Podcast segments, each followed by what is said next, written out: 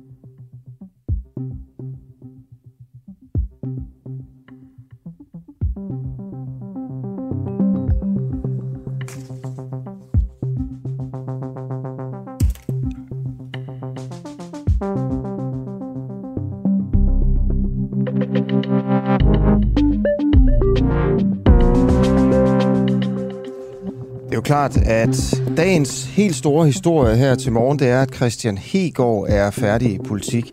Det er den øh, radikale politiker, der sidder i kørestol. Øh, han er handicappet, det er måske sådan, du husker ham. Men han er også en dygtig retsordfører for de radikale. Og han er nu færdig på grund af to krænkelsessager. Vi ved simpelthen ikke, hvad det er, der er sket, men aviserne er fyldt med det her til morgen. Det er selvfølgelig tophistorien. Folk diskuterer, om, om det radikale er ved at nedsmelte. Øh, først er det Østergaard, så er det Hegård.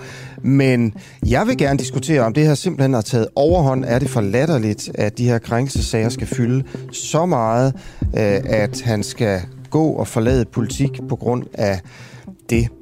Du kan skrive ind til mig på øh, 1245 sms'en. Bare skriv DUA, D-U-A-H først, og så øh, giv din mening til kende. Du kan selvfølgelig også skrive ind på Facebook, hvor vi er live hver morgen. Det her det har ført til mange kommentarer rundt om fra.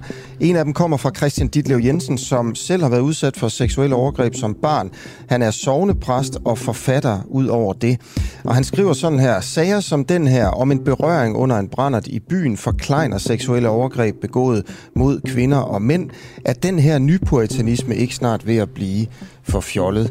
Og Christian Ditlev Jensen, godmorgen. Hvorfor at du skriver sådan her på Facebook? Jamen det, det kan man egentlig se lidt længere nede i, øh, i tråden, fordi der er en, der skriver, du blander pærer og æbler. og øh, og det, det stod jeg lige over, fordi det er jo det, jeg synes, at man gør efterhånden i de her MeToo-sager. Der blander man meget alvorlige overgreb, som vi kender fra en del MeToo-sager, for eksempel de, de allerførste der med Harvey Weinstein, og også nogen herhjemme, måske i Danmark. Mm. Øh, nogle af dem, der er ved at blive undersøgt, er jo ganske alvorlige. Øh, på den ene side, og så, og så har vi så æblerne, kan man sige, på den anden side, som, som er øh, den helt anden ende af et overgreb. Jeg kunne ikke drømme om at sige, at det ikke kan være ubehageligt at være i byen. Det har jeg prøvet selv. Øh, men, men det er noget andet end øh, rigtig alvorlige seksuelle overgreb. Man kan også ligesom bare tage for eksempel de øh, syv historier, der kom, er kommet frem i forbindelse med Nasser Carter. Nogle af dem er er noget, der øh, forhåbentlig bliver efterforsket som kriminalitet, og noget af det øh, lyder måske knap så alvorligt. Og det er den der glidebane, hvor man på en eller anden måde får, får noget, som egentlig måske ikke er specielt slemt til at være øh, lyde som om det er nærmest et mor. Øh, jeg synes, jeg synes måske, at man kan sammenligne det med, hvis man nu sagde, at man talte om vold. Sådan, det, altså, mange af de ting er jo seksualiseret vold. Men hvis man nu talte om vold generelt, så, så, så skulle man altså sige, at øh, Christian Hegård har trukket sig fra politik, fordi han har begået vold. Og så når man så går ind i sagen, så viser det sig måske, at han har hældt en øl ned af en i en brænder i byen eller sådan et eller andet. Og det er jo ubehageligt at få en øl hældt ned af sig, men det er jo noget helt andet, end at få nækket en skalle eller slået øh, en lige højere. Ja, okay, øh, så det du siger og, her, det er, at det som Hegård har gjort, det er ikke så alvorligt som nogle af de andre sager. Det, det forkleiner simpelthen de mere alvorlige sager. Du kalder det også for nypuritanisme. Men prøv lige at høre ja. her. Jeg ved da ikke, hvad Hegård har gjort. Det ved du. Nej, ved du det? Øh, man, man kan sige, jeg kan sige det på to måder. Den ene måde, det er, at sådan som man selv beskriver det, så, så skriver han, det er en berøring. Altså, og, og man skal jo have meget vild fantasi for at forestille sig en, en tilfældig berøring i byen, eller nogen, der ligesom lægger lidt an på nogen, eller et eller andet, hvor det er så ubehageligt, at må, man må træde ud af politik. Og på den anden side, så var der faktisk en, der skrev øh, til mig øh, bagom og prøvede at beskrive situationen, en, en som kendte en, der havde været der. Og, øh, og der må jeg sige, det synes jeg faktisk, øh, det der blev beskrevet, lød egentlig ikke særlig behageligt. Øh, og det lød faktisk som en, en form for øh, som grænseoverskridende adfærd. Men der synes jeg så bare, man må sige, at øh, hvad, hvad er det egentlig for noget? Og det, det er der, det nypuritanske kommer ind. Hvad er det egentlig for noget, at man ikke kan løse problemer længere, at man ikke kan tale sammen, at man ikke kan lave en reprimande af en eller anden art, som er noget andet, end at man overhovedet ikke må eksistere længere, fordi nu har man altså gjort et eller andet forkert. Øhm, Alex Vandopslag, han skrev i den tråd på Facebook, som opstod nedenunder mit opslag, at det, det, det her det er det, der kommer ud af, hvis man ser sig selv som fejlfri og og at fejl bliver utilgivelige. Og det er jo det på en måde nypuritanisme er. Puritanisme er jo, at alt skal være rent, purt, øh, og der må slet ikke være nogen pletter nogen steder. Øh, og, og det er jo meget svært at leve sit liv uden at komme til at øh, træde lidt tungt på speederen, eller øh, tale lidt hårdt til nogen i en diskussion, eller puff til nogen i et supermarked, når man er travlt, eller et eller andet. Øhm, og, der, og, og, og det her, det er sikkert ubehageligt for dem, det er gået ud over, tror jeg. Altså det her kan jo faktisk være ret ubehageligt at gå i byen, hvis man møder nogen, der er stive. Øhm, men det er jo noget andet, synes jeg, end at, øhm, at, at man begår fejl, eller at man er, øh, eller at man begår rigtige overgreb. Altså ja. fordi, fordi jeg talte for eksempel efterfølgende i går med en øh, kvinde bekendt, som, og så sagde jeg, har du aldrig været til en fest, hvor der er nogen, som øh, kom til at støde lidt ind i dig, eller, eller sådan, har lagt an på dig, lagt en arm om dig, eller et eller andet, og så måtte du flytte den arm og sige, det gider jeg ikke det der. Øh, så sagde hun, jo, det har jeg da været udsat for, men jeg har også været udsat for en chef, der stak sin hånd ned mellem mine ben. Øhm, ja, og de to ting, det er jo nogle ret forskellige det, ting. Det er to forskellige øh, ting. Christian Ditlo Jensen, jeg vil bare lige sige tak, fordi du ville være med her til morgen. Tak, fordi vi måtte øh, dig, øh, som jeg jo faktisk tror, vi gjorde så tidligt her. Nej, det gjorde du ikke, men jeg skulle bare ud af sengen. okay. Jamen godt, tak for de kommentarer. Selv tak. Hej. Hej. Godt, øh, og sådan kom vi altså i gang med udsendelsen. 6 minutter over syv er klokken blevet. Nu skal jeg jo lige huske at sige rigtig godmorgen og velkommen til en uafhængig morgen. Et godt program, synes jeg, at øh, vi har her til morgen. Øh, vi har nogle af vores øh, egne historier. Vi går jo øh, rimelig meget efter øh, øh, Carlsberg for tiden, øh, fordi at de simpelthen ikke vil forklare, om det, de har gjort i Hvide Rusland, er over deres egen grænse. Øh, det er jo lidt interessant at vide. De har jo været med til at støtte øh, stats-TV i Hvide Rusland, som øh, er noget af det værste propaganda, jeg i hvert fald nogensinde har fået øh, beskrevet. Øh, så det kommer, det kommer senere, øh, og så har vi også øh, mange andre øh, gode ting. Men først så vil jeg øh, gerne bare lige til, øh, til Afghanistan et lille smut, fordi øh, spørgsmålet her er jo efterhånden snart ikke om Kabul falder, men hvornår Kabul falder. Det er jo nogle gange det indtryk, man, øh, man får, når man følger med. Taliban stormer i hvert fald frem i Afghanistan, indtog i går den 10. afghanske provinshovedstad og befinder sig nu 150 kilometer fra hovedstaden. Kabul. David Vestenskov, du er konsulent ved Center for Stabiliseringsindsatser hos Forsvarsakademiet. Kan du prøve at give et eksempel på, hvordan Taliban kan rykke så hurtigt frem? Det kan, øh, det kan jeg godt. Jeg har sådan set også hørt, at her, her i løbet af natten, så, så, så, så er de ved at få, få styr på hele den næststørste by, Kandahar. Øh, men, men som jeg ser det, jamen så, så er det her faktisk, selvom det kan ligne, at det er noget, der går, der går voldsomt hurtigt øh, og, og, og er meget overraskende, øh, så er det sådan set for mig at se en ret logisk udvikling øh, af den aftale, som der blev indgået for, for, for omkring 20 måneder siden øh, mellem USA og Taliban, øh, hvor man blev enige om den her amerikanske øh, tilbagetrækning. Det var, det var sådan set der, at man sendte det her signal både til den afghanske regering, men også til den afghanske befolkning, om at det her system, som Vesten har været med til at, ud, øh, til, til at opbygge gennem, gennem de seneste 20 år, at, øh, at det har en udløbsdato. Øhm, og, og det vi så har set hen over foråret, jamen, det er, at, at Taliban indledningsvis er gået efter de her øh, tyndt befolkede områder, hvor der ikke har været så mange sikkerhedsstyrker. Det er, det de forholdsvis hurtigt fået, fået styr på. Og, og hvis jeg så skal tilbage til det øh, eksempel, øh, som, som, som, som du spurgte ind til, jamen, så er det jo, at vi inden for den sidste uge har set dem ligesom gå i gang med de her større byer, de her provinshovedstader, de her befolkningscentre. Øh, og der kan vi simpelthen se, at, at den her dominoeffekt, som der også var i de tyndt befolkede områder, som, som vi ikke måske havde så meget fokus på, det vil sige, det er simpelthen også tilfældet øh, ved de større byer, og det er derfor, at vi ser dem sådan falde nærmest øh, dag for dag og en for en. Og, og så i nat, øh, siger du, mens vi sover, så øh, er Kandahar, den næststørste by, nærmest øh, faldet. Hvad, hvad er der mm. sket i nat? Jamen, det startede sådan set allerede i går, øh, hvad kan man sige, øh, i går, i, i går aftes dansk tid. Øh, og, og i, altså i løbet af dagen, der, der røg der nogle videoer ud, hvor at, øh, at øh, civilbefolkningen øh, filmer, at, øh, at sikkerhedsstyrkerne ligesom er, er på vej ud i, i et stort antal. Øh, og der, der har også været angreb, hvad kan man sige, i, i yderkanten af byen gennem, gennem, gennem nogle uger nu, øh, men, men at de i løbet af natten nu øh, har fået kontrol med hvad kan man sige, de, de væsentligste installationer i byen herunder guvernørkontoret og, og politihovedkvarteret. Altså alle indikatorerne på, at den, at den by øh, er på Talibans hænder øh, lige nu, vi, eller i hvert fald inden for kort tid. Vi det i er, Vesten har jo, ja. har jo altså uddannet, trænet, bevæbnet øh, regeringstropperne i, i snart 20 år. Ja, Altså, hvorfor vi. stikker de bare af så? De må, altså, ja, hvorfor gør de det? Ja, ja, og det, det kan jeg også godt se, når man, når man, når man, når man sådan ser på det, og antalsmæssigt, øh, så, burde, så, så burde de også være, være, fjenden, øh, være fjenden overlegen. Øh, det, der bare er problemet, det, det er den signalgivning, som der er blevet givet, særligt, særligt fra amerikansk side. Øh, altså, at, at man er, øh, at man, at man sådan set tror på det her øh, system længere. Øh, og så kan det også godt være, at den er her sådan omfangsmæssigt, at der, at der er mange af dem, men det er ikke fordi, at den normale fodsoldat øh, har, har, er, er, er vanvittigt godt trænet. Altså der har operationstempoet simpelthen været for højt, øh, så, så derfor så har der været behov for at, at få dem hurtigt igennem systemet.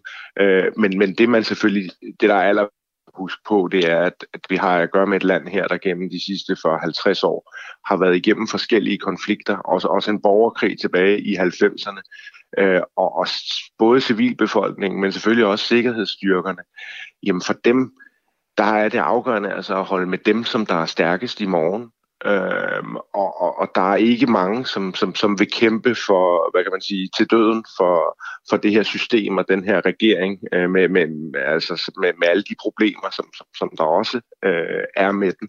Øh, så derfor så er der mange, der sidder ligesom og, og, og venter på. Det er også inden for hæren, Øh, jamen, hvordan ser det ud præcis i det her område? Øh, fordi vi har sådan set ikke tænkt os at, at, at dø for den her sag.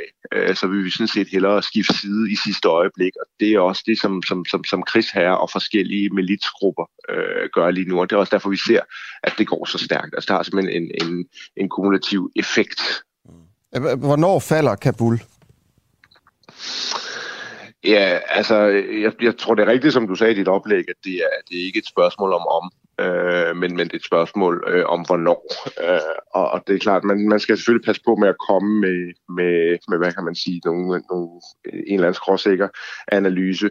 Øh, men jeg tror, den bedste måde at eksemplificere det på, det er, at for en uge siden, øh, der kunne vi se, de, de amerikanske hvad kan man sige, efterretningsestimater, de lå på 6 måneder plus, øh, og, og så så vi her i i, i forgårs, så så var det her altså sat ned til, øh, til maks øh, tre måneder, øh, at man estimerede, at det ville holde. Øh, og jeg kunne godt forestille mig med udviklingen i går, øh, så begynder vi ikke at snakke, så snakker vi ikke måneder mere.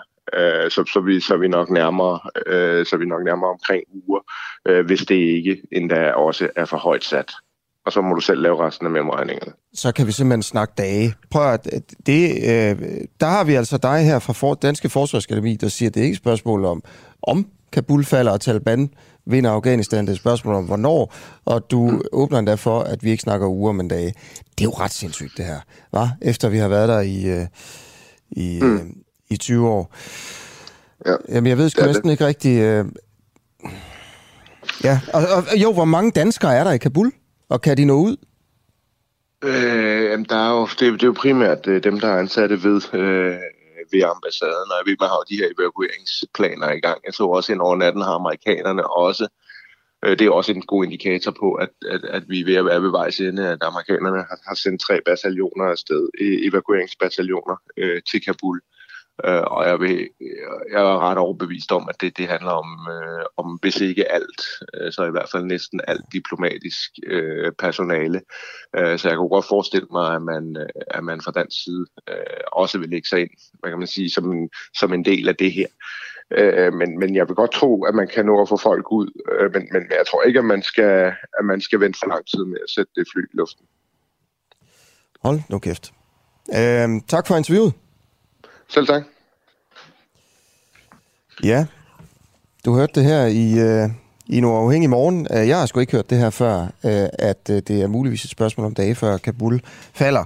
Altså fra øh, en, øh, en konsulent i det danske forsvarsakademi her. Så nu handler det måske bare om at få, øh, få folk ud fra, øh, fra hovedstaden. Ja, klokken er kvart over syv. Øh, lige om lidt, der øh, fortæller jeg, hvem der nu kritiserer Carlsberg for det, som vi har øh, problematiseret igennem længere tid nu.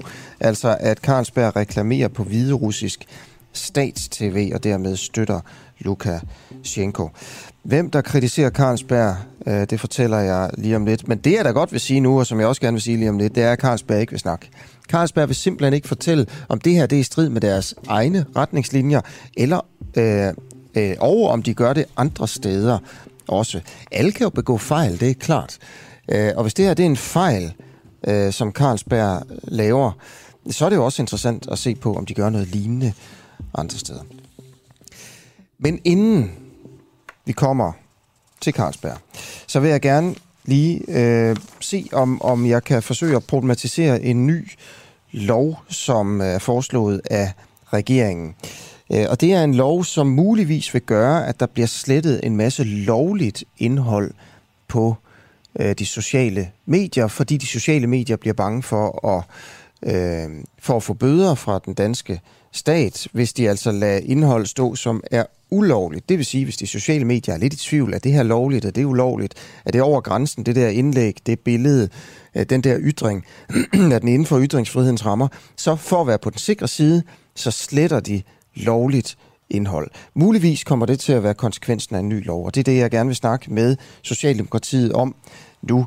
Regeringen ønsker nemlig, at øh, sociale medier fjerner ulovligt indhold fra deres platforme inden 24 timer, og hvis det ikke sker, så vil regeringen med et nyt lovforslag uddele bøder til de her sociale medier, og det er noget, som Konkurrence- og Forbrugerstyrelsen skal føre tilsyn med. Kasper Sandkær, godmorgen. Godmorgen. Godmorgen, tak fordi du vil være med her i en uafhængig morgen. Du er medieordfører for Socialdemokratiet. Det spørgsmål, ja, som, øh, Øh, det spørgsmål, som de sociale medier, Facebook, øh, Instagram eller andre, øh, Twitter, skal stille sig selv her, hvis den her lov bliver til noget, det er, hvad er ulovligt indhold egentlig? Hvordan skal man vurdere det, når det ikke har været igennem en domstol eller noget som helst? Man har 24 timer til at tage en beslutning. Kan du svare på det sådan helt kort? Hvad er ulovligt indhold? Ja, der er jo nogle ting, som helt åbenlyst krænker øh, lov, eller går over grænserne i lovgivningen. Ikke? Det kunne det er klart, det, det grædeste eksempel er selvfølgelig øh, spredning af, af, af børnepornografisk materiale. Ikke? At der er ingen tvivl om, det er ulovligt. Så er der jo en masse ting, som er svære at definere. Ikke? Øh, men det er klart for eksempel, at øh, dele øh, seksuelt øh, indhold med nogen, som ikke er bevidste om det, øh, eller som ikke er vidne om, at de er blevet optaget, eller at det materiale, de, de er en del af, bliver delt. Øh, det er selvfølgelig også øh, i strid med, med lovgivningen. Så kan der jo være sådan deciderede øh, trusler, øh, som også er i strid med lovgivningen og sådan noget. Så der vil jo være masser af ting, man sagtens kan definere som ulovligt indhold, øh, og som platformene med, med det forslag, vi kommer med, jo så får ansvaret for at fjerne det, og fjerne det inden for øh, 24 timer, sådan at det ikke når øh, at sprede sig. Vil du, vil du prøve at give et eksempel på noget, som er svært at vurdere, om det er ulovligt? Ja, ja det er jo så det, fordi så det siger, der er noget, der ligesom, det kan vi putte i kategorien, det er klart ulovligt, det er ikke så svært, det skal bare fjernes. Så er der jo en masse ting, som er svært øh, at være øh, entydig omkring. Der hedder fristen så heller ikke 24 timer, der hedder det så en uge. Øh, og, og det handler jo netop om alle de der øh, tvivlsspørgsmål, som kan være. Det er jo særligt også, når vi kommer ind på, på noget af det, hvor vi for eksempel kan tale om øh, racisme, eller kan tale om sådan hadfuld tale og sådan noget. Hvornår er det, hvornår er det at gå over grænserne i loven, og hvornår er det, kan man sige, inden for rammerne af, af ytringsfriheden. Ikke? Mm. Øh, hvad er det, du siger, medierne skal gøre, altså Facebook for eksempel, hvis de tænker, vi er i tvivl her. Det jeg jo siger øh, her, her til morgen, eller stiller, det spørgsmål, jeg stiller, det er, når der er de her tvivlsspørgsmål, så kan det jo godt være, at de vil vælge at være på den sikre side i forhold til at få de her bøder, og slette det for en sikkerheds skyld. Og så får vi på grund af den lov, som du foreslår her, et, øh, en mindre fri debat. Øh, hvad, hvad er det, hvis, hvis øh, de sociale medier er i tvivl, at de så skal gøre? Mm.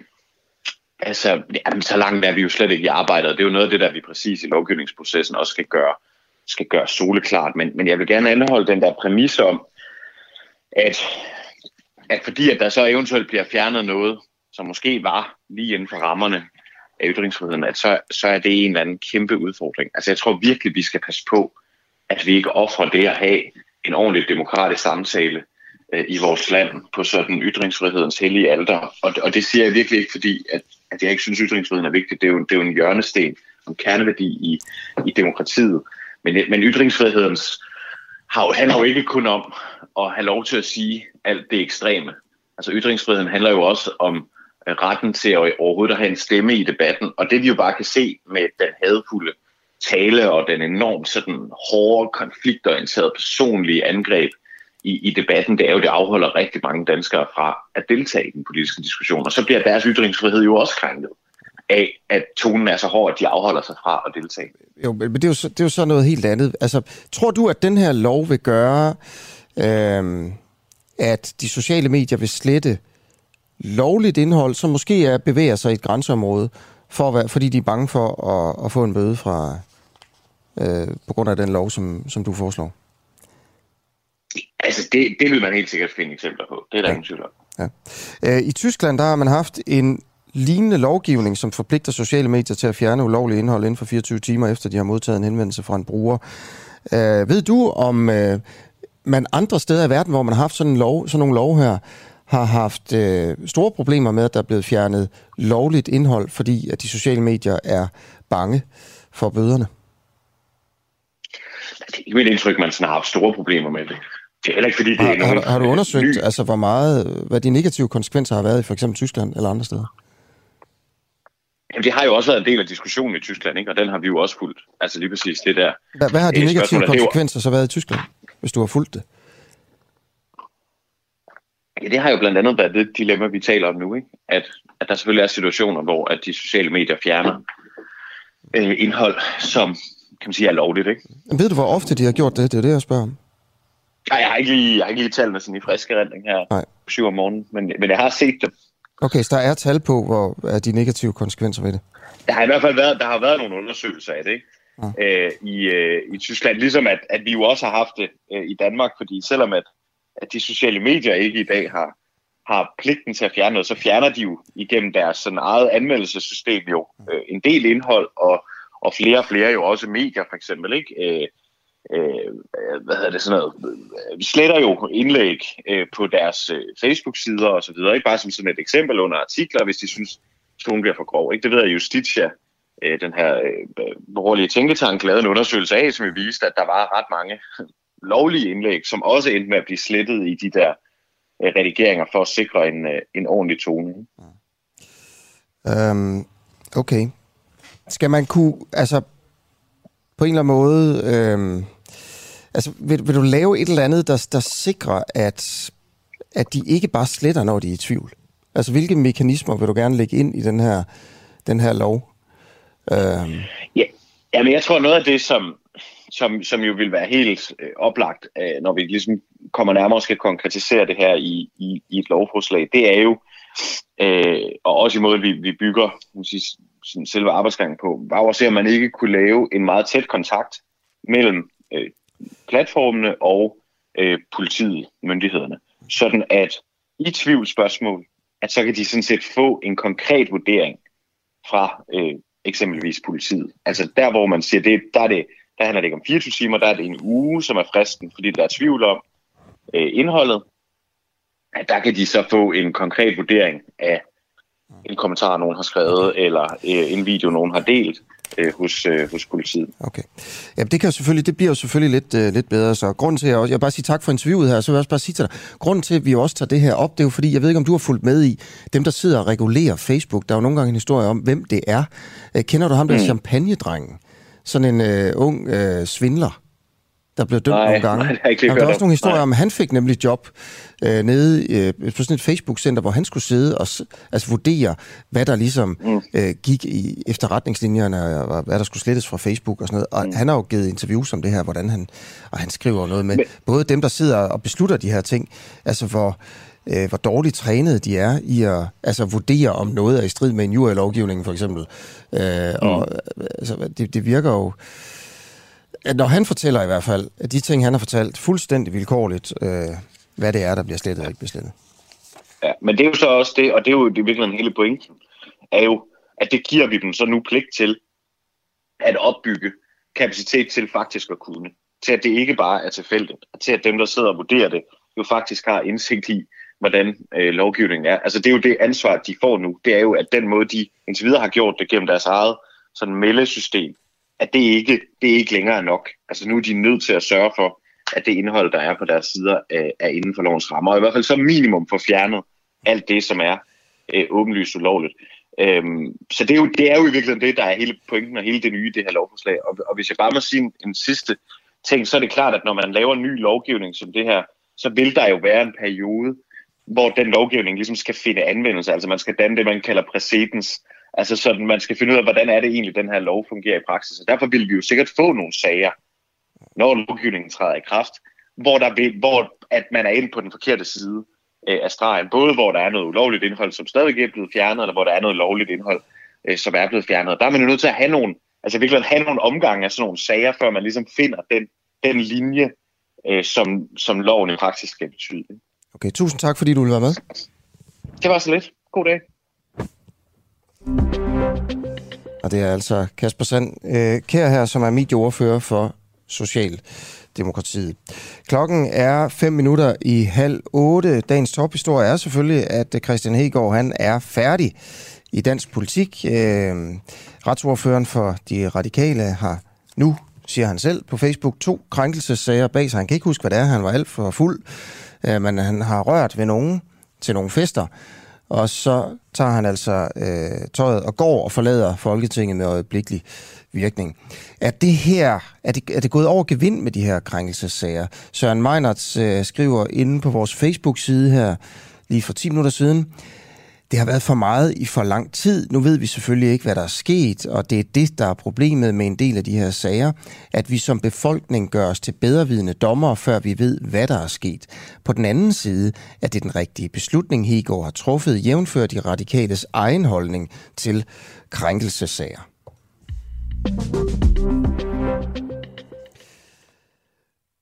Spørgsmålet, vi stiller her igen til morgen, det er, øh, synes Carlsberg egentlig selv, at Carlsberg har gjort noget forkert? Er det en fejl, at Carlsberg har reklameret på hvide russisk statstv? Hvis man ser på nogle af de buzzwords, som Carlsberg bruger om sig selv, så er det integritet, ansvarlighed, ærlighed og en etisk forretningsmodel. Øh, og det er derfor, vi spørger, om Carlsbergs topchef, Seste Hart, Munden, øh, mener, at det er en fejl, at bryggerigiganten har reklameret på den hviderussiske diktator Alexander Lushenkas tv-kanal.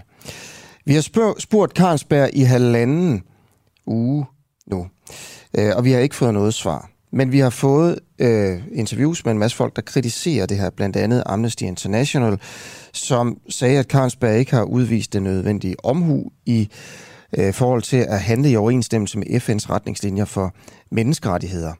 Vi har tidligere spurgt Hvideruslands ekspert Jonathan Schacht Halling Nielsen, om Carlsberg har været klar over, at man har reklameret på den her tv-kanal.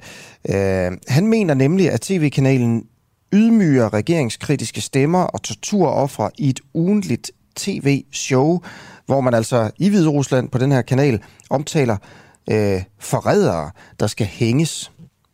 Tror du så, at øh, øh, altså Carlsberg forud for den her aftale om reklamer har været klar over, at nu laver de en reklame på en tv-kanal, der ydmyger og håner regeringskritiske stemmer? Det, det, det er svært rigtigt at forestille sig, at man har været klar over det, men man må omvendt sige, at når man som Carlsberg har været ude og vedtage en menneskerettighedspolitik for sin koncern, så, så synes jeg også, det forpligter. Altså, så er man på en eller anden måde også nødt til at tage de politikker, man har lagt frem for omverdenen, alvorligt øh, selv. Og hvis man siger, at man ikke vil medvirke til menneskerettighedskrænkelser, så er man på så er man også nødvendt, øh, nødt til at levere øh, på det. Og det har man jo ikke gjort, og det har man blandt andet ikke gjort, fordi man jo så sandsynligvis ikke har interesseret sig for, hvad indholdet okay, er. Så du mener ikke, at uvidenhed fra Carlsbergs side her kan, kan resultere i god tro? Ikke når man bevidst har lagt en anden politik Nej. frem for Nej. sin øh, virksomhed. Ja, C.C. Hart, altså topchefen, han vil ikke stille op til interview hos os. Han vil ikke kommentere sagen. Vi stopper selvfølgelig ikke sådan medier, vi egentlig ikke. Vi bliver ved med at bede om interviews hos Carlsberg, og vi bliver ved med at fortælle om det om det her i, i radioen, for at prøve at, at ryge Carlsberg ud til at fortælle, om, øh, om de egentlig selv mener, at der er begået en fejl her. Øh, og i dag, der fortæller vi så, at også Institut for Menneskerettigheder retter en skarp kritik mod verdens tredje største bryggerigruppe. Det er Sine Lysgaard, der er strategisk rådgiver derinde, øh, som giver os den her kommentar. Nu læser jeg lige en lille smule op. Et vigtigt led i retningslinjerne for menneskerettigheder og erhverv er, at virksomheder har pligt til at gå i dialog med civilsamfund og andre eksterne parter for aktivt at identificere menneskeretlige udfordringer og adressere dem på relevant måde. Med afsæt i retningslinjerne, som Carlsberg selv har tilsluttet sig, så vil jeg derfor formode, at Carlsberg nu går i dialog med aktører som Libereco og med afsæt i menneskerettighederne aktivt overvejer om Carlsberg skal fortsætte med at reklamere i statsejede medier i Hvide Rusland, eller hvordan Carlsberg bedst kan sikre sig, at Carlsberg ikke er et del af, en del af problemet.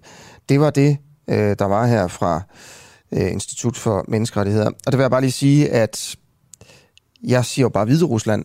Øh, instituttet øh, skriver egentlig Belarus, og det er jo så, øh, det, er jo så det samme. Der er jo, der er jo mange, der nu er begyndt at sige øh, sige Belarus om, øh, om Hvide Rusland. Øh, men det var altså den her historie igen herfra en opfordring til Carlsberg, topchefen Siste Hart, om at stille op til et interview eller udtalelse. Det er simpelthen øh, for dårligt, at man ikke øh, vil, øh, vil forklare, hvad ens politik er, når man er sådan et stort, et stort øh, bryggeri, øh, et af Danmarks største, en af Danmarks største virksomheder. Et minut over halv otte er klokken. Og her til morgen, altså bare lige for, til hvis man lige har stået på, så er den store nyhed, at Christian Hegård er færdig i politik. Øh, øh, den handicappede politiker, der jo sidder i kørestol. Øh, han har ved flere festlige lejligheder været for fuld. Han kan ikke huske noget, men han har to gange rørt ved nogen øh, på en grænseoverskridende måde sådan at øh, der først har været en samtale med den radikale ledelse om, at det var for meget, og så her for nylig, så gjorde han det igen, skriver han selv. Og så er han altså færdig. Han er nu ude af politik. Endnu et offer for MeToo. Og apropos MeToo, så er der jo også en tendens til, at mange brancher, jeg tror, at det egentlig er mest sådan folk, altså kreative brancher i Danmark. Øh, det kan selvfølgelig være, at jeg tager fejl. Øh, de skriver åbne breve om, at de også bliver krænket, og der er store problemer på deres øh, arbejdspladser her.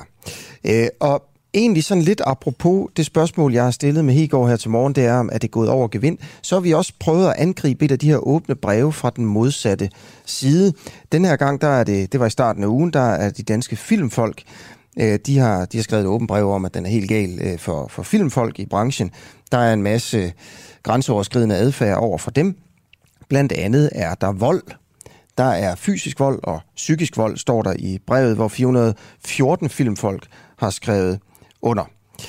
Øh, man bliver simpelthen slået i filmbranchen. Det sagde en af øh, dem, der har været med til at lave brevet, skuespiller Dorte Rømer forleden til DR.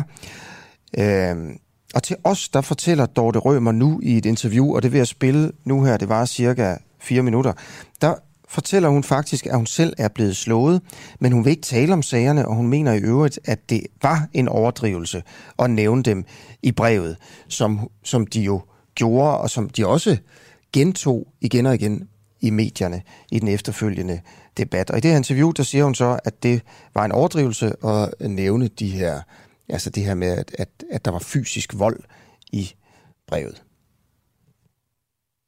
Det er jo ikke en generel ting. Det er jo et isoleret eksempel, jeg tager, fordi det understreger, hvor vanvittige forhold øh, vi er under. Så det er ikke noget, man kan drage øh, branchen til indsigt. Og det er bestemt heller ikke noget, der er gængs. Jeg tager det med, fordi jeg udtaler mig kun om ting, jeg selv har oplevet. Og det har jeg oplevet. Du har simpelthen oplevet at blive slået, øh, mens du arbejdede ja. på et filmsæt? Korrekt.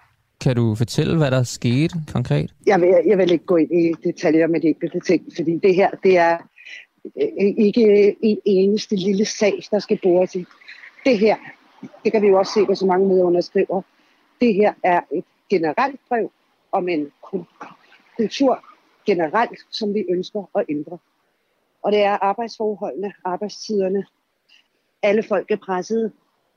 Øh, der bliver sparet, og derfor er det også et opråb til broadcasterne om, at når de udliciterer opgaverne, at de så skal sørge for, at de ikke bestiller en strandvejsvilla, men betaler for en toværelses i Albertslund. Jeg forstår også godt, hvis det virker sådan lidt flueknæpperagtigt, men det er jo også fordi, vi læser det jo også i brevet her, ikke? der står, vi øh, accepterer ikke fysisk vold, og så bagefter så hører vi dig sige, altså vi ser slag. Så det er bare, kan du blive mere konkret på det her med slag? Har du, hvor mange gange har du oplevet folk, der bliver slået, enten dig selv eller andre? To. To gange? Ja. Inden for hvor meget, inden for hvor lang tid? Inden for en periode på tre år. En gang, hvor jeg selv er blevet slået, og en gang, hvor jeg set en anden blive slået. Okay. Øh, i, du vil ikke fortælle om det her ene eksempel øh, med, med slag. Den anden sag, vil du fortælle om den? Nej, Nej, igen, det er det samme. jeg ikke fortælle Nej. om konkrete ting. Okay. Det er det, vi har helt tilbage, da vi talte om MeToo. Vi fortæller ikke, hvem det er. Og der er nogen, der siger, øh, så er du tavlig, og du ødelægger nogen i branchen. Nej, for det er ikke en sag for hvem som helst. Nej, okay. Vi har gået til vores ledere med det, og vi er gået til sager, hvor det har krævet med politiet, har vi inddraget politiet. Okay. Så der er simpelthen sager, hvor politiet har været involveret her, øh, fordi der er nogen, der er blevet slået? Det kan jeg jo ikke sige. Jeg kontaktede ikke politiet, da jeg blev slået. Du har oplevet øh, slag to gange. Øh, har du hørt om andre, der er blevet slået? Ja. Ja? Hvor mange? Det kan jeg ikke sætte tal på. Det er fordi, der er så mange, at, at det... Øh... Fordi, nej, nej, nej, nej, nej. Det er ganske, ganske få. Det er jo ikke... Altså, det er typisk sådan et enkelt slag. Det er voldsomme skub. Det er øh, fysiske angreb, halsgreb, øh, armgreb, ting og sager. At det, det er ikke noget, der sker under optagelse det her. Det er noget, der sker, fordi at du ved, en, en eller anden bliver sur på en på sættet, og så simpelthen slår dem, eller tager kan, kvælertag på dem. Ja, ja, det kan ske. Men igen, lad nu være med at hænge i det. Det er, det er ikke det, der er essensen i det. Det her, det er nu i gang med at tage en lille giftig stift ud af 100 dårlige ting. Det er den absolute øh, øh, sjældenhed, at det her sker. Men det sker. Men hvis det er så sjældent, hvordan kan det så være, øh, at, at, du ved, at det er blevet nævnt i det her brev? Fordi, sådan kan man sige, større fysisk vold er ikke det store problem. Det er de små ting, den, de, den fysiske udmattelse, det psykiske arbejdsmiljø, arbejdspresset, at blive råbt af, at tale hårdt til. Mm. Øhm, Ramskov, vi havde jo Jørgen Ramskov, ikke? Han er direktør for øh, Producentforeningen. Det er jo øh, producenterne, som I stiler det her brev til. Han siger i morges til os, at det her med vold, det er nok lidt overdrevet. Øh, hvad siger du til det? Det tror jeg, jeg giver ham ret i. Ja, og det var altså øh, interviewet her, øh, som vi laver med, med Dorte Rømer. For at prøve at finde ud af, også for at være helt ærlig, om der er altså så meget vold i filmbranchen, som det bliver antydet i det her brev, eller om man har lagt momsen oveni for at trænge gennem i medierne, for at være helt ærlig. Øhm, og jeg ved ikke, om der kommer mere øh, på den her sag nu, men jeg er, jeg, jeg, jeg, jeg er stolt over, hvordan vi her på Den Uafhængige har, øh, har gået anderledes til den her historie. Og, og vi er jo øh, også øh, et medie, der prøver at gøre tingene anderledes. Øh, og det er også derfor, at øh, øh, vi ikke får støtte fra, fra nogen. Øh, vi bliver kun støttet af øh, jer, der, der lytter med, eller kigger med på Facebook lige nu. Øh, vi har en række medlemmer, cirka 3.000, som betaler til os øh, øh hver måned 39 kroner, og vi bruger de så de penge på at lave radio og udvikle det her øh, det her projekt, øh, som, som jo altså er et fælles projekt øh, for alle dem, der er med til at, til at lytte og til at, til at støtte. Det er også derfor, at man, hvis man støtter, så kommer man ind i sådan en, en lukket øh, Facebook-gruppe, hvor vi alle sammen taler sammen. Jeg vil bare gerne sige tak til alle jer, der, der støtter her, og det er jo gået over, over forventning. Vi havde slet ikke regnet med at, at have så mange medlemmer på nuværende tidspunkt. Det er fantastisk. Alle, der har lyst til at være med på den her rejse, som ikke er med endnu, de kan jo bare gå ind på vores hjemmeside og, og melde sig til.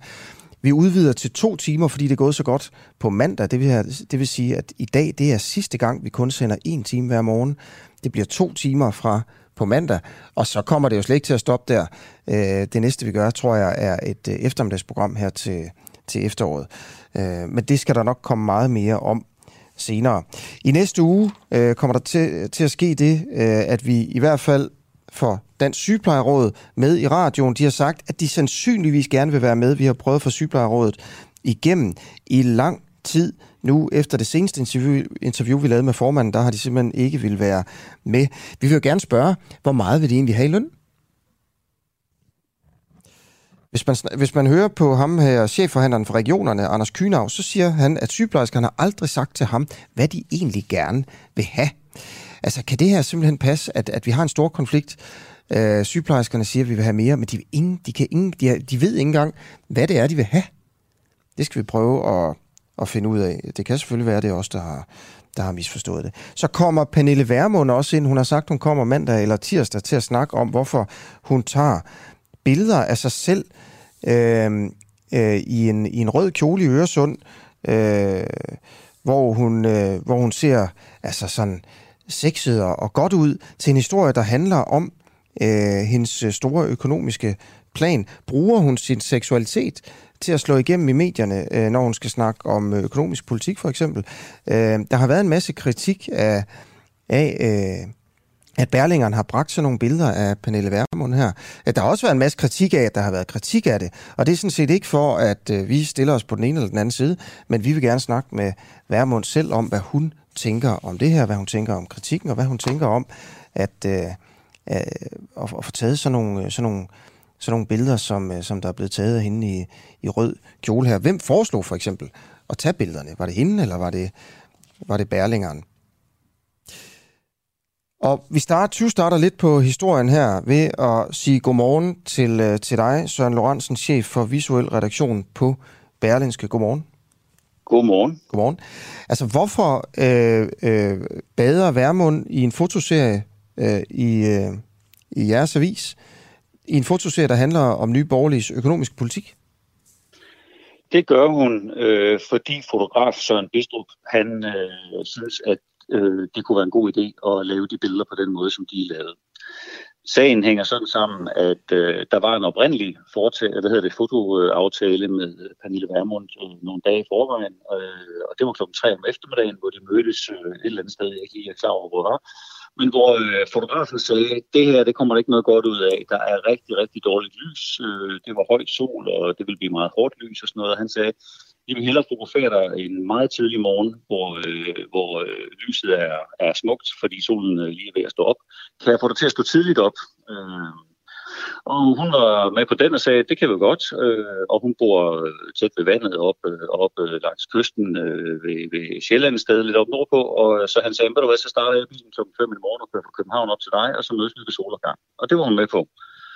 Og så mødtes de, og så gik de ned til stranden, hun bor tæt på stranden, og så øh, tog han en række billeder af hende ved, øh, ved nogle hyggenbuske, nogle portrætter, han tog nogle billeder andre sådan portrætlignende situationer. Øh, og så er der den der bade øh, ponton, som ligger sådan frit svævende ude i vandet, øh, kan man sige, og, eller øh, frit øh, flydende ude i vandet. Og så siger han, øh, ved du hvad, det kunne blive enormt flot i det her morgenlys, hvis du øh, sætter dig derud.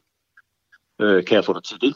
Og så siger hun, øh, jamen det, øh, det kan jeg godt, det, det vil jeg gerne. Og så sætter hun sig derud, og så tager han selv nogle billeder, øh, hvor man sådan ligesom har vandet i forhånden. Hun er sådan omringet af vand, og så sidder hun ude på den.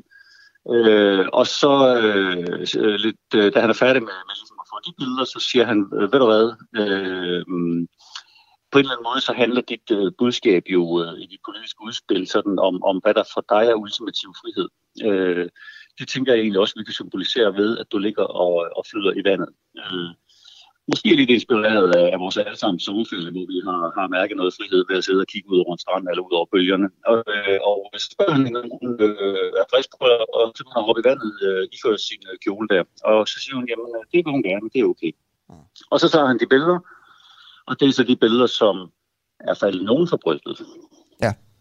Okay, så det her med, at hun, øh, hun, øh, hun, hun svømmer i vandet øh, på ryggen, og så bliver der taget et billede op fra, øh, hvor hun jo også ligger i en våd kjole. Øh, og og det, det, det, det, det er jo nogle, altså det er i hvert fald nogen, der mener nogle seksualiserede billeder her. Mm. Det for at symbolisere, øh, at hun på en eller anden måde svæver frit, og hendes økonomiske plan er øh, også noget, der lægger vægt på frihed.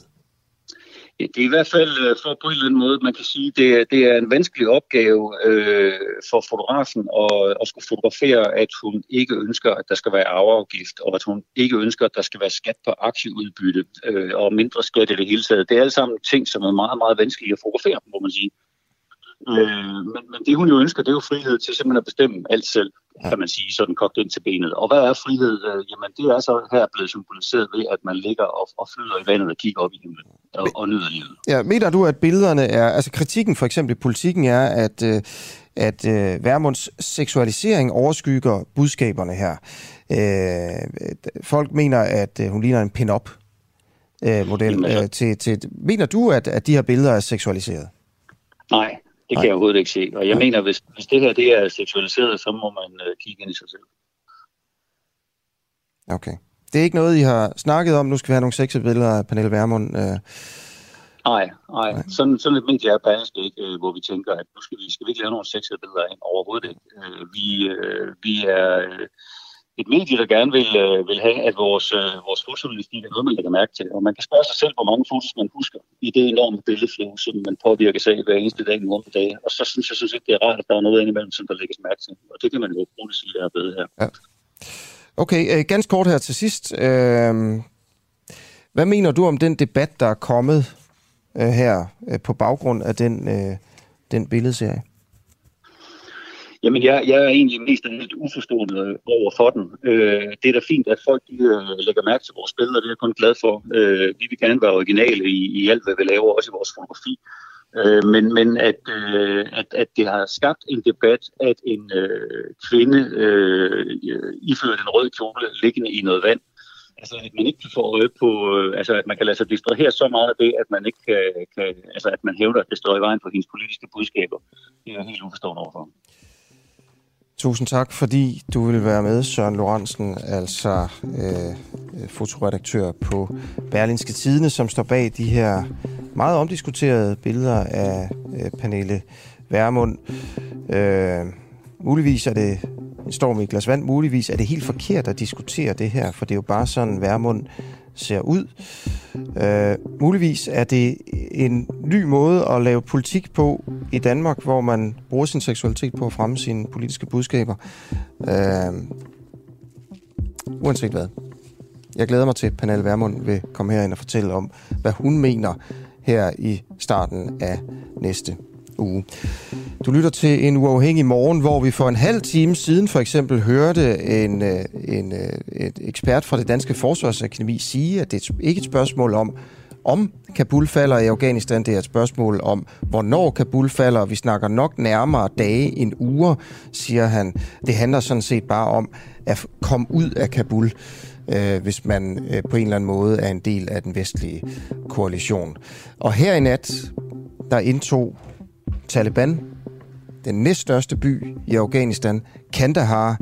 Det er den ene storby efter den anden, der falder.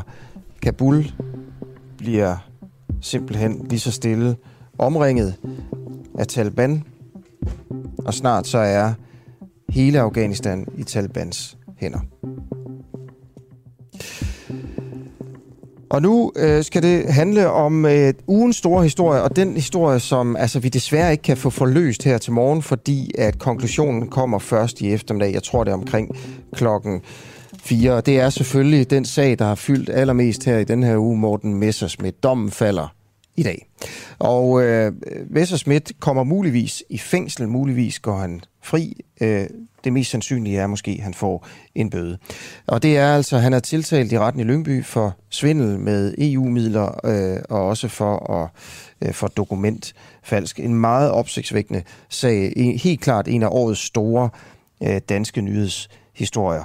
Vi følger det tæt, og lige om lidt øh, kommer der et interview om, øh, om sagen.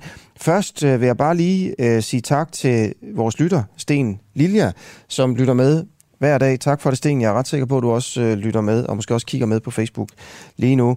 Og så vil jeg bare lige kvittere med et lille digt, du har skrevet om Messerschmidt. Messerschmidt, han bliver korsfæstet i alles dårlige samvittighed. Vildt, helt vildt, meget vildt, ekstremt vildt. Vis mig en direktør, og i kirken bliver han endda ophøjet. Kirken er korruption i scene. Tak. Tak til dig, Sten. Tak fordi, at øh, du lytter med og er aktiv øh, øh, inde på vores øh, sociale medier. Per Mathisen, godmorgen.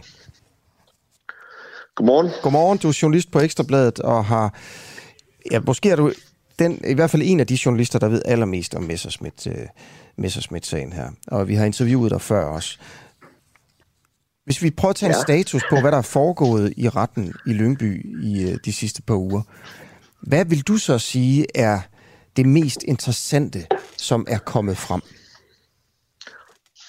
Ja, ja altså det mest interessante, synes jeg jo egentlig, som når man sidder ja, og følger sådan en retssag, det er jo egentlig, der er jo ikke rigtig kommet noget frem, der ligesom øh, bakker op om Morten Messersmiths øh, forklaringer.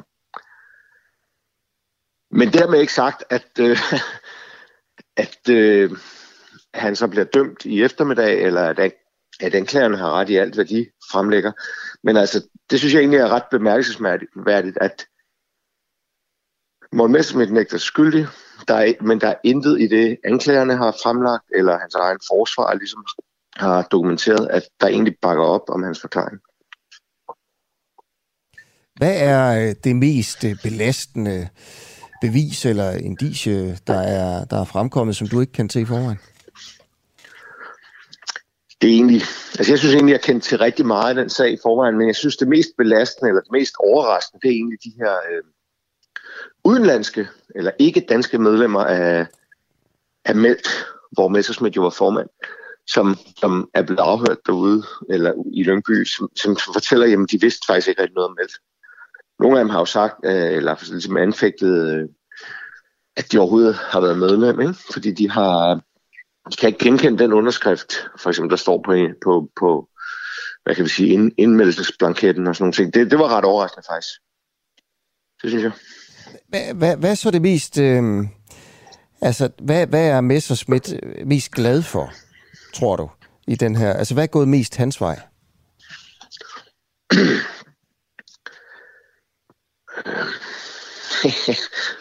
det, ved, det ved jeg ikke. Jeg ved det ikke. Hvis jeg skal være helt ærlig. Fordi jeg, jeg, jeg synes, altså... Øh, jeg, jeg er ligesom... Altså, Morten Messerschmidt har jo sagt i flere år, at han, han ligesom føler sig politisk fuldt.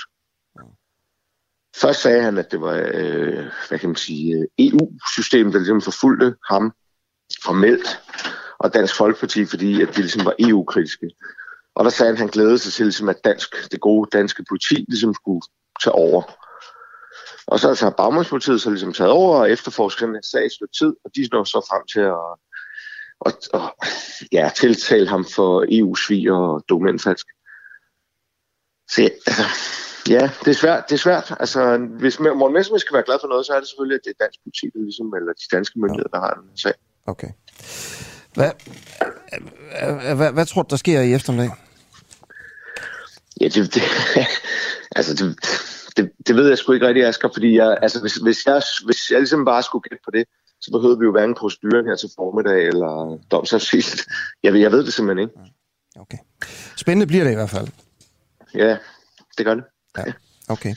Per Mathisen, tak fordi du vil være med øh, endnu en gang. Det er fint. Det er godt. Nej. Og det er altså journalist på, på Ekstrabladet, øh, som, øh, som jo har været en af dem, der har i virkeligheden øh, afsløret mange ting i, øh, i den her øh, sag om øh, Morten Messerschmidt og, og fondene Meldt og Felt.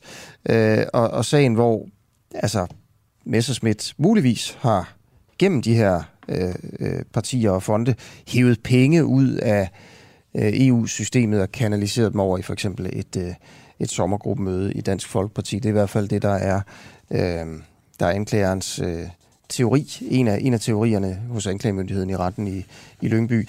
Hvis Messerschmidt ender med at få en hård dom, ja, så er han muligvis færdig i dansk politik. Så bliver han ikke formand for Dansk Folkeparti.